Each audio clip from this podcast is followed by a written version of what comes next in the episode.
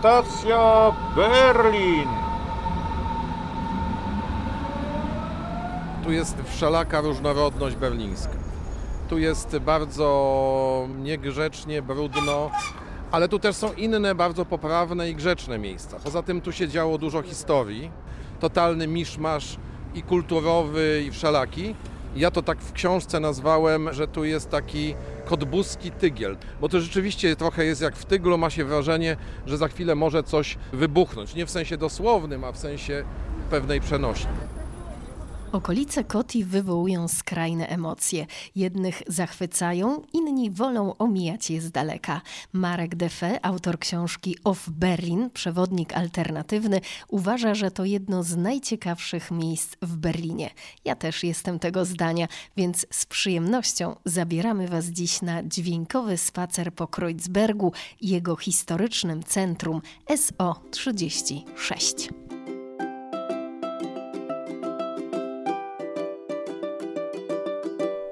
Stacja Berlin. Cześć, witam Cię z Berlina. Nazywam się Monika Sędzierska, a Ty słuchasz podcastu Stacja Berlin. Jeśli interesuje Cię Berlin i jego mieszkańcy, to jesteś we właściwym miejscu. Stacja Berlin to nietypowy przewodnik, który pozwoli Ci zanurzyć się w berlińskim mikrokosmosie. Daj się porwać na spacer z moimi wyjątkowymi gośćmi i poznaj ich historię. Mam nadzieję, że podcast zainspiruje Cię do odkrywania Berlina. Berlina. Tu stacja Berlin. Gotowi? Ruszamy.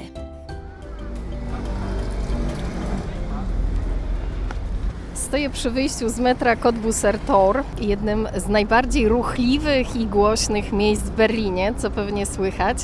Obok metra ogromne rondo i skrzyżowanie. Cottbusser Tor, czyli w skrócie COTI, to centralny punkt dzielnicy Kreuzberg i słynnego historycznego okręgu SO36.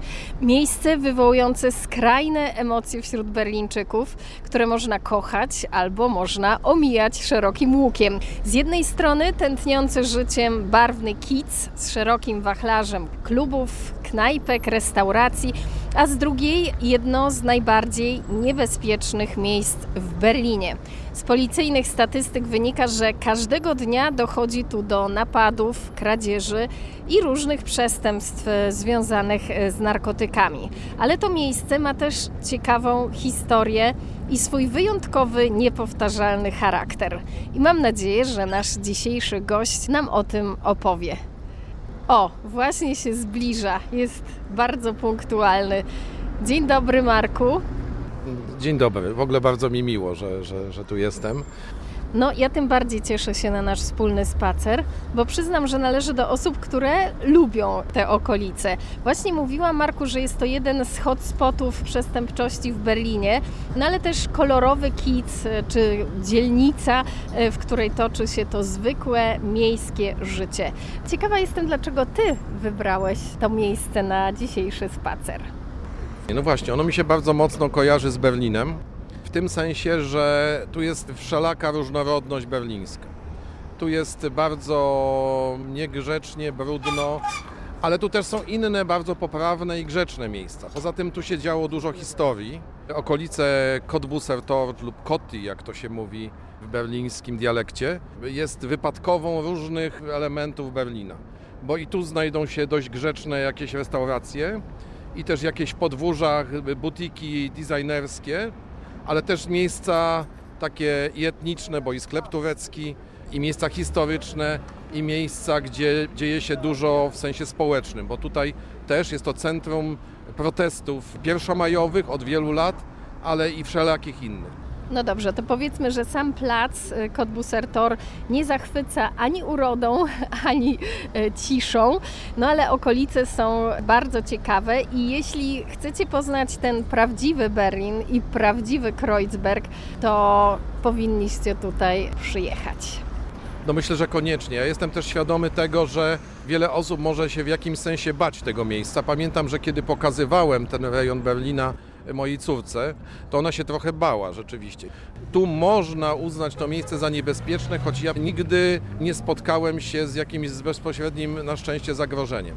Totalny miszmasz i kulturowy, i wszelaki. Ja to tak w książce nazwałem, że tu jest taki kotbuski tygiel, tak sobie pozwoliłem to nazwać, bo to rzeczywiście trochę jest jak w tyglu, ma się wrażenie, że za chwilę może coś wybuchnąć. Nie w sensie dosłownym, a w sensie pewnej przenośni. Gośćmi stacji Berlin są Berlińczycy, którzy pokazują nam swoje miasto i opowiadają o swoim życiu w Berlinie.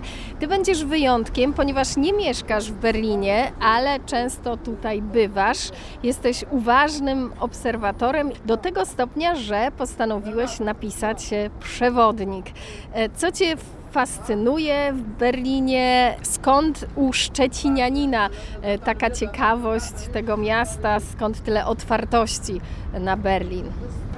Szczecin ma ten przywilej w odniesieniu do położenia, że mieszkamy 150 km od Berlina. Widzę ten Berlin z perspektywy kogoś, kto go odwiedza, a nie kogoś, kto w nim mieszka, ale jest mi on bardzo bliski. Chciałbym się czuć Berlińczykiem, w takim rozumieniu, że czuję się w jakiś sposób związany z tym miastem, właśnie tak jak mówiłem. Przewodnik, który miałem śmiałość y, napisać i wydać, wydać dzięki mojemu przyjacielowi, wydawcy, ma być w zamyśle taką inspiracją dla tych, którzy po niego sięgną, do odkrywania swojego Berlina. Twój przewodnik nosi tytuł Of Berlin. Pomóż nam w takim razie rozszyfrować ten tytuł. Co oznacza dla Ciebie ofowość e, w kontekście Berlina? No właśnie, ta ofowość to, to jest trudna do rozszyfrowania, tak wprost definicja, bo ofowy to znaczy trochę nieoficjalny, trochę awangardowy, trochę tajemniczy, trochę inny niż y, y, ten głównego nurtu. Trochę mniej oficjalny, trochę niegrzeczny, trochę ukryty, inny niż typowy. Pod tym pojęciem mieści się bardzo dużo, bo i ofowe takie miejsca gastronomiczne z antywystrojem, ale i ofowa sztuka, przecież to jest szerokie pojęcie. I ofowe kluby, ale oczywiście z ofowością jest tak, że czasem coś, co jest ofowe, staje się w tej ofowości tak popularne i znane, że z tej ofowości staje się rzeczą głównego nurtu. To dotyczy wielu rzeczy, ale też i nawet pewnych zjawisk typowo berlińskich. Dla mnie akurat te miejsca, które wymieniłem w tym przewodniku, były ciekawe, bo były związane z moimi wrażeniami, emocjami, które przeżyłem. Co proponujesz, gdzie zaczynamy nasz spacer? Jeżeli mogę oczywiście zaproponować, to poszedłbym za tym tak zwanym e, Kreuzberg Centrum lub Centrum Kreuzberg. To jest taki szeroki budynek wybudowany na przełomie lat 60. i 70. całkowicie w odmiennej stylistyce niż to, co widać wokół. I tak bym z tyłu poszedł w kierunku Dresdnerstrasse, bo tam są pewne miejsca, które być może warto wskazać. Jasne, no to idziemy w takim razie. To może przejdźmy tędy, tu w kierunku Istanbul Supermarkt, dzisiaj zamknięty akurat, ale Normalnie jest to taki turecki sklep z nowymi produktami innymi niż w typowych supermarketach. Oczywiście część jest wytwarzana w Niemczech czy w Holandii, bo jakby sieć odbiorców jest duża, że tu się też to produkuje, nie tylko w Turcji czy gdzieś tam daleko, ale prawda jest taka, że tu rzeczywiście można kupić trochę inne rzeczy. To jest też fajne miejsce, czyli stoisko tak. z warzywami, owocami, które jest czynne do późnych godzin nocnych. To jest ostatnia deska ratunku. Tak, rzeczywiście on jest czynne długo, dłużej niż ten sklep. Przypięte do tego wyciskane soki. Trochę to przypomina bazary gdzieś tam w Turcji, ale i nie tylko. To co, idziemy? Proponuję przejść, jeśli możemy, wzdłuż tych takich miejsc gastronomicznych i nie tylko, wzdłuż tego centrum, Kreuzberg Centrum. Y, on jest właśnie w trakcie renowacji.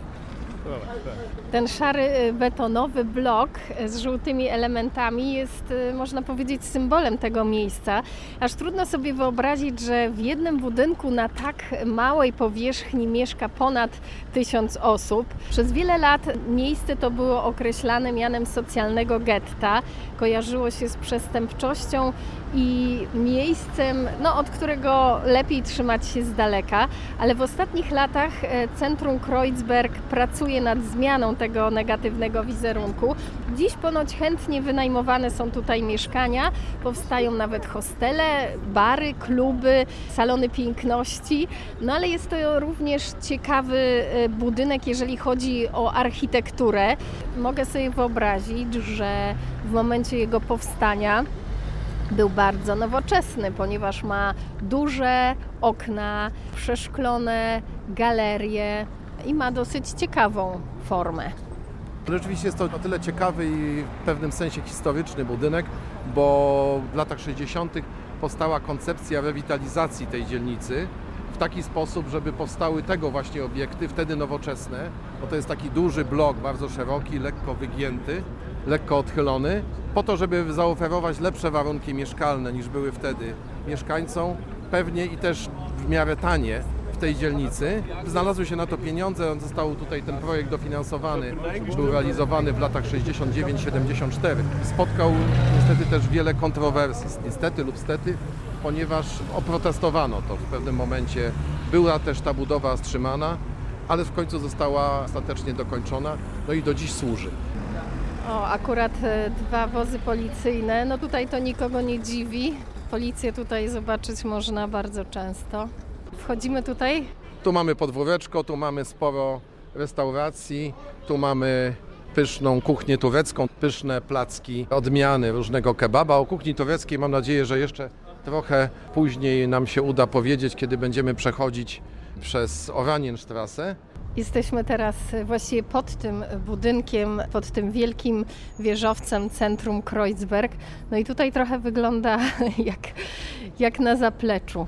Można na chwilę zapomnieć, że jest się w Berlinie, bo po lewej stronie barber, po prawej stronie baklawa i kuru pasta. E, No właśnie, tutaj są takie podwórza jakby zaniedbane, ale no to typowe dla tej części Berlina, ale też i ciekawe. Świetlica e, społeczna tu się znajduje, gdzie mieszkańcy, głównie panowie, tak, e, się pojawiają, piją sobie kawę, grają w jakieś swoje gry i dyskutują, o czym mają ochotę. Przy herbatce. Przy herbatce najczęściej, właśnie. I to jest o dziwo miejsce dla palaczy. Raucherknajpę i jeszcze wstęp wzbroniony poniżej 18 roku życia. Tak, to jest właśnie ciekawe. O właśnie, grają, tu się raczej nie jest, tu się tak spędza czas. No tak, niby nie ma tutaj zakazu wstępu dla kobiet, ale przyznam, że w żadnej z takich e, tureckich herbaciarni nie widziałam jeszcze kobiety, a lubię sobie tak e, czasem ukradkiem zaglądać e, do tych kafejek, choć w Berlinie jest już ich coraz mniej. A kiedyś przecież pełniły bardzo ważną funkcję dla gastarbeiterów, którzy przyjechali tutaj z Turcji. W tych e, właśnie kafejkach, e, herbaciarniach mogli spotykać się w swoim gronie i to zostało do dziś. No właśnie, i my teraz się udalibyśmy z tyłu tego budynku w kierunku Dresdner Strasse. I tu jest taki remont i znajdziemy takie tajemne prawie że przejście. No przyznam, że tutaj nigdy nie wchodziłam. To niedawno dopiero odkryłem między Dresdner Strasse a właśnie Kotti. Zaraz znajdziemy coś e, ciekawego, bardzo charakterystycznego dla Berlina. Jedno jest takie miejsce, gdzie są e, Stolperstein. Tabliczki pamiątkowe upamiętniają deportację e, ludności żydowskiej i jakby wskazane są tam zwykle dane typu imię, nazwisko, rok urodzenia na przykład, rok deportacji do jakichś tam obozów. Zaprojektował to artysta niemiecki Pandemnik. Tego jest już dużo nie tylko w Niemczech, ale jak w innych krajach, także w Polsce, na przykład we Wrocławiu. I tu właśnie na rogu mamy e, takie cztery tabliczki. Deportowany i zamordowany w Auschwitz Tak. w 43. Tak, no nie wszystkim się podoba ta forma opamiętniania, bo to jest miejsce, gdzie się przechodzi, ktoś może nadepnąć. Stolpern, czyli potknąć się Tak, o można coś. się potknąć, to są takie mosiężne wprawdzie, więc to się nic z tym nie dzieje, ale no właśnie z tego powodu. No jesteśmy na cichej i spokojnej, yy, bardzo no właśnie, spokojnej. jak Zdecydowanie. 50 metrów Dokładnie. dalej mamy tętniący życiem Koti. A tu mamy Dresdnerstrasse, odchodzącą. Jest to o tyle ciekawa uliczka, że ona rzeczywiście jest troszeczkę inna, spokojna, choć bardzo blisko tego miejsca buzującego ciągle, tego tygla, jak powiedziałem. Ale ona ma też swoje ciekawe miejsca. I tu jesteśmy blisko numeru 11. Co prawda nie ma tu żadnej tabliczki upamiętniającej ten fakt, ale mieszkał w swoim berlińskim okresie Nick Cave w latach 80. Tutaj tworzył, nagrywał, bywał, przechadzał się po Berlinie w różnych miejscach słynne, też w, w dzielnicy Kreuzberg Café Risiko, nieistniejące już wiele lat. Tam właśnie podobno bywał, ale też słynnym SO36, Tak, tak. Tym tak. legendarnym, który ma już bodajże ponad 50 lat i do dzisiaj istnieje. Także w tych rejonach można sobie wyobrazić Nika Cave'a, legendarnego piosenkarza, poetę, pieśniarza, który spacerował tędy. A w różnych zdjęciach można znaleźć to mieszkanko, w którym tu mieszkał. Takie bardzo skromne, bardzo ascetyczne wręcz. No, Z ale... tego co pamiętam, on mieszkał u kogoś w lofcie. Wtedy mieszkania w Berlinie na Kreuzbergu były zdecydowanie tańsze niż na przykład w Londynie. Warto było tu przyjechać, tu mieszkać, tu tworzyć, tu się inspirować. To właśnie przecież w Berlinie Nick Cave poznał Blixę Bargel. Tak, to właśnie tutaj. I tu też wydaje mi się, że już nagrywali coś. I tu też wy- występowali. No zresztą później z zespołem mm, The Bad Seeds e, wystąpili też w kultowym filmie Wima Wendersa Niebo nad Berlinem. No akurat możemy zaglądnąć do środka. Myślę, że niewiele zmieniło się tu od lat e, 80., kiedy mieszkał tutaj Nick Cave. Może kiedyś pojawi się tu jakaś tabliczka pamiątkowa, bo myślę, że ten berliński epizod Nicka Cave'a to bardzo ciekawa historia. Póki co jest tutaj siedziba jakiejś firmy. To co, idziemy dalej? No właśnie, tu są dość poprawne restauracje na przykład. Ale nam zapachniało Kawiarnie. azjatycką No kuchnią. właśnie. Ale tu jest też y, po lewej stronie cevicheria taka peruwiańska. Bardzo ciekawe miejsce, serwujące kilka dosłownie potraw właśnie kuchni peruwiańskiej czy południowoamerykańskiej, w tym y, właśnie ceviche, czyli jakiś rodzaj surowej ryby z jakimiś tam dodatkami innymi w takiej sałatce. Albo taki rodzaj potrawy z ziemniaka i specjalnego sera huancaina bodajże. To jest taki rodzaj ziemniaków y, zmieszanych z tym serem i tak to właśnie wygląda. A tu mamy kolejny Stolperstein. Też się pojawia. Sprawdźmy. Łódź. Rosalie Kluge i zamordowana w Chmielnie w 44. No. Kulmhof. To jest kolejny taki ten Stolperstein upamiętniający właśnie y, tragiczne wydarzenia, również tutaj.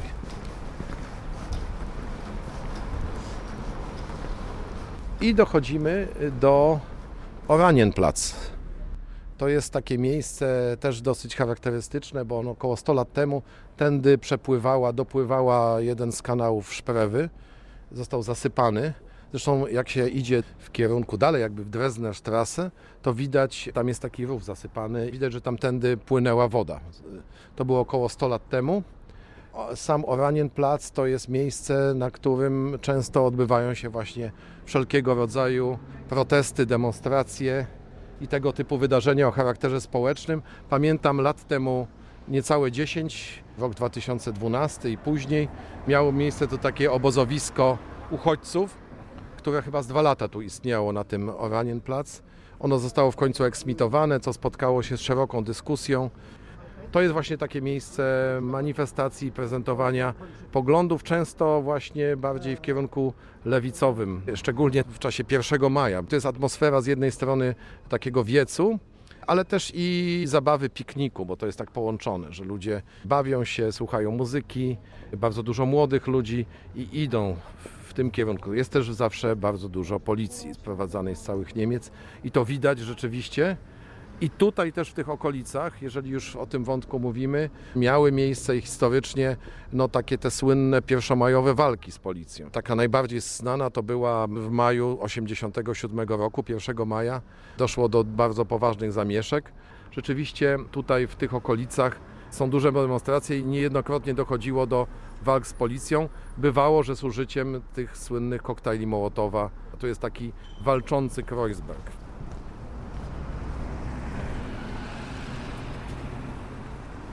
Proponuję, żebyśmy tutaj skręcili z Oranienplatz w Oranienstraße. To jest taka dwukilometrowa ulica, ciągnąca się aż tam het do Gerlitzer-Bahnhof. Jest niezwykle ciekawa, bo i ma tradycje i historie pewne handlowe, ponieważ przy tej ulicy mieścił się swego czasu dom towarowy Wertheim, ale to było dawno temu, a teraz jest taką ulicą wielu barów, restauracji, życia nocnego też, albo takiego późno wieczornego. Być może jako baza do pójścia dalej do różnych klubów. No i też oczywiście tu są też takie miejsca klubowe ze szczególnym uwzględnieniem i podkreśleniem tego słynnego SO36, który jest tam dalej w pobliżu Heinrichsplatz. O, a tutaj mamy ważne miejsce na mapie polskiego Berlina. W kamienicy pod y, numerem 34 to brązowe wejście, trochę posprejowane. Tam znajduje się bardzo ważna instytucja, a mianowicie Polska Rada Społeczna. Powstała jeszcze za czasów muru berlińskiego w latach 80., kiedy z Polski napływało wielu uchodźców e, do Berlina Zachodniego. Miałam okazję e, poznać e, współzałożyciela Polskiej Rady, Witolda Kamińskiego, przeprowadzić z nim kilka wywiadów. Cztery dekady temu Polacy czuli się w tym mieście bardzo zagubieni, nie mieli żadnych informacji w języku polskim. No i to właśnie dla nich powstała ta organizacja. Tutaj mogli za darmo korzystać z różnego rodzaju poradnictwa. Zresztą Polska Rada działa do dziś. Co oznacza to, że Polacy też uczestniczą jakby w tym życiu tutejszym. Myślę, że to jest bardzo istotne. Zbliżamy się do skrzyżowania Oranienstrasse i Adalberstrasse. Teraz to może jeszcze nie, ale zwykle jest bardzo duży ruch samochodów, które gdzieś tam zmierzają, i pieszych, i rowerzystów. I też dużo różnych miejsc, choćby gastronomicznych. Jest tutaj taka sieć Hasi o różnym charakterze, bo jest i taka jedna z burgerami, ale w jednej z nich przy Adalberstrasse swego czasu pojawił się Antony Bourdain w jednym ze swoich programów, pokazując Berlin. Wtedy pokazywał Berlin od strony kuchni i tureckiej, i typowo niemieckiej, i pokazując kuchnię turecką, właśnie był w tym hasirze. W końcu nie możemy zapominać, że jesteśmy w stolicy kebabu, choć ten kebab jedzony z talerza, czyli Iskender kebab, e, jest tradycyjną potrawą, którą je się w Turcji to według legend y, dyner kebab jako fast food, czyli w chlebie y, tureckim Fladenbrot, został wymyślony właśnie w Berlinie i to właśnie przez właściciela restauracji Hasir. No ale wiadomo, ojców sukcesów zawsze jest wielu, więc tak dokładnie nie wiadomo. E, ja przyznam, że jestem wielką fanką tureckiej kuchni i jadam tutaj od wielu lat. Wiele osób pewnie będzie innego zdania, że może nie Hasir, a inne miejsca. No ale to jest dość charakterystyczne. Hasir jest czynny, przynajmniej był czynny całą dobę swego czasu. Można tu i na wynos zjeść sobie kebab z prawdziwą baraniną, ale też i oczywiście usiąść i zjeść różne, różne dania. Ale obok jest y, Green Rice. Od wielu lat istnieje. Ja znam to miejsce, taka dziupla, że tak się wyrażę, na może kilkanaście miejsc dla gości z taką kuchnią wietnamską i tam są fantastyczne zupy, makarony i to jest w ogóle jakaś alternatywa. Miejsce istnieje w mojej pamięci od ponad 10 lat. Bardzo fajne, niedrogie i też bardzo często oblegane.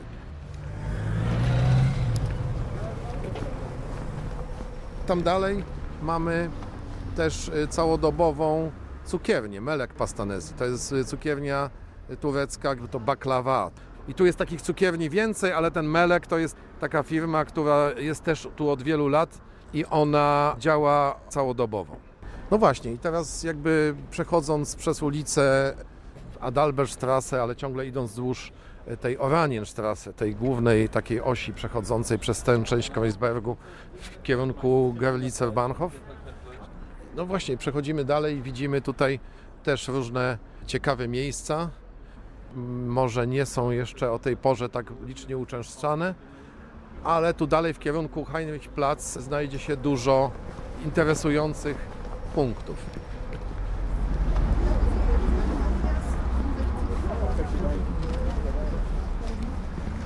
Bardzo lubię obserwować tę mieszankę, kiedy tutaj jestem. Starszych Berlińczyków mieszkających tu od czasu muru berlińskiego, imprezowiczów, hipsterów, gasarbeiterów i ich potomków ale też nowobogackich właścicieli apartamentów, bo nie możemy zapominać, że Kreuzberg jest bardzo dotknięty gentryfikacją. No i tutaj powstają bardzo drogie mieszkania.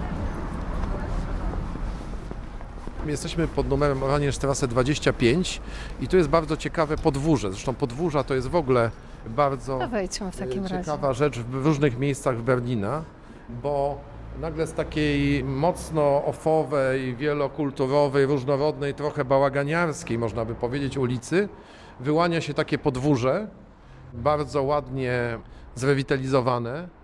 Jak w wielu takich miejscach znajdują się różne biura, firmy i tak dalej, ale czasami też mieszczą się albo galerie, albo sklepy z wszelkiego rodzaju designem. I nagle ten taki bardzo różnorodny, często bałaganiarski Kreuzberg przeradza się w całkowicie inne miejsce. Na tej ulicy było też dużo różnych firm. Tam w dalszej części pod numerem 6 pracował taki prekursor komputerów. Pan Konrad Zuse, Niemiec. To było jeszcze w latach 40 który zaczynał wymyślać maszyny liczące i uważa się go za jednego z prekursora komputerów światowych. To jest taki budynek tam w dalszej części za Heinrichplatz. E, także tu w ogóle było trochę firm. Tutaj powstała Paul Linke, tak? to dyrygent znany i tutaj powstała pierwsza wytwórnia muzyczna, przez niego założona.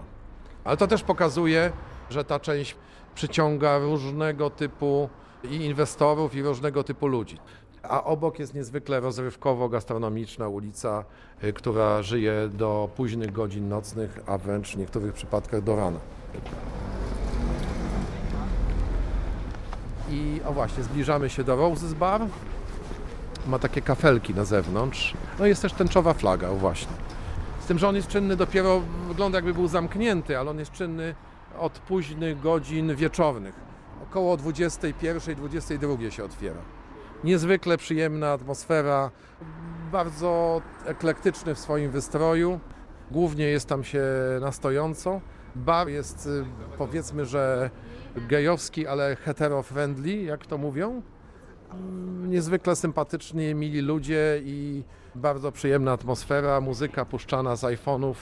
Takich miejsc jest w tych rejonach więcej.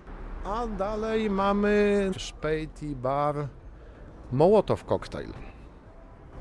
Obecnie jest to Spätkauf, czyli jeden z prawie tysiąca takich sklepików w Berlinie, niezwykle charakterystyczny dla tego miasta, które oferują głównie napoje, alkohol, jakieś podstawowe rzeczy połączone. Zwykle są te sklepy, sklepiki z miejscami do siedzenia, gdzie można wypić piwo czy jakiś napój. Te miejsca są zwyczaj czynne całą dobę a w tym miejscu, akurat Szpejt i Mołotow Cocktail, mieścił się kiedyś dość poprawny drink bar, Mołotow Cocktail. Mołotow od y, słynnych koktajli Mołotowa, które pojawiały się w tych okolicach w momencie, kiedy były różnego rodzaju demonstracje. Się zmienił ten bar w ten szpejtkał w czasie już pandemii. Wiele barów nie przetrwało, zostało zamkniętych. W wielu y, zrobiono centra testowe, Jesteśmy przy kultowym SO36. SO36. Właśnie, no zamknięte o tej porze. Bo jest godzina, która 15. Jest około 15, ale przecież tutaj odbywa się wiele imprez. No jest to taki klub, który w swoim credo ma wpisane takie motto, od które się zaczyna od słów, że Kreuzberg to nie tylko nazwa dzielnicy, ale to jest postawa. Wszystkie różnorodności, odmienności, wszelkie ekstrawagancje. Zarówno ten klub SO36 w swoim credo, ale i też programie, który ma, jak i cała ta część miasta i Kreuzbergu oddaje ten stan ducha. Tutaj rzeczywiście można spotkać bardzo różnie ubranych ludzi, w różnych zachowaniach i tak dalej. Nic nikogo nie szokuje. I jest tak fajnie się tu powłóczyć w związku z tym. Warto chociaż raz tutaj wejść, żeby poczuć się takim klubie, gdzie na przykład bywał David Bowie. Była to miejsce niezwykle awangardowych koncertów w latach 70. i później, miejsce muzyki punkowej. Na stronie tego klubu można zobaczyć, jakie grupy tutaj grały. Warto znaleźć się w jego okolicy, najlepiej wewnątrz, na którejś z imprez. Może to być nocny flomark, czyli plitark nocny, który też się tutaj odbywa. Albo disco dla rolkowców, też może to być takie wydarzenie. Przeczytamy, co się dzieje w tych dniach. Roller Skate Disco, Tak. zapowiadane przez Ciebie, klub O balkański. właśnie, balkanska, Cafe Fatal, nauka tańca. Zwykle już w sobotę o tej porze tutaj długie kolejki są, żeby wejść na jakieś wydarzenie. Dzieje się tu dużo i tłumy ludzi.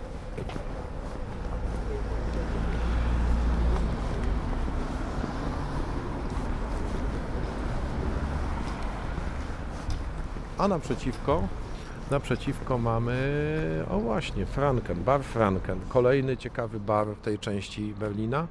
To jest taki bar dla subkultur, z jednej strony punkowych, ale też i takich rockowych. Tu widać dużo ludzi w takiej stylistyce, dużo łańcuchów, tatuaży, mm, często w wieku już zaawansowanym.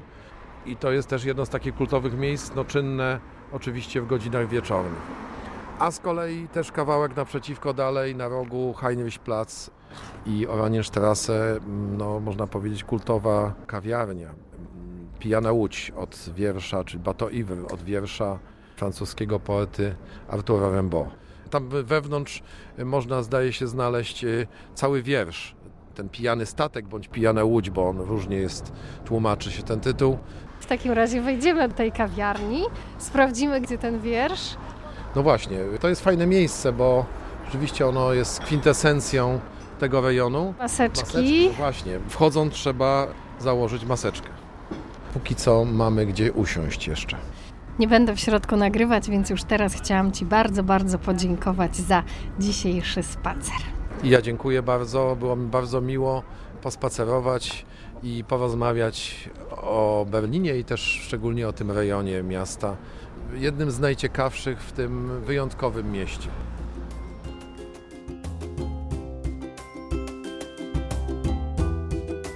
Naszym przewodnikiem po Kreuzbergu był dziś Marek Defe, autor książki Off Berlin Przewodnik Alternatywny. Jeśli podobał Ci się ten odcinek, to podaj go dalej albo zostaw ocenę. To pozwoli mi dotrzeć do większej liczby słuchaczy. A ja zapraszam Cię na kolejne spacery po Berlinie ze stacją Berlin. Do usłyszenia. Stacja Berlin.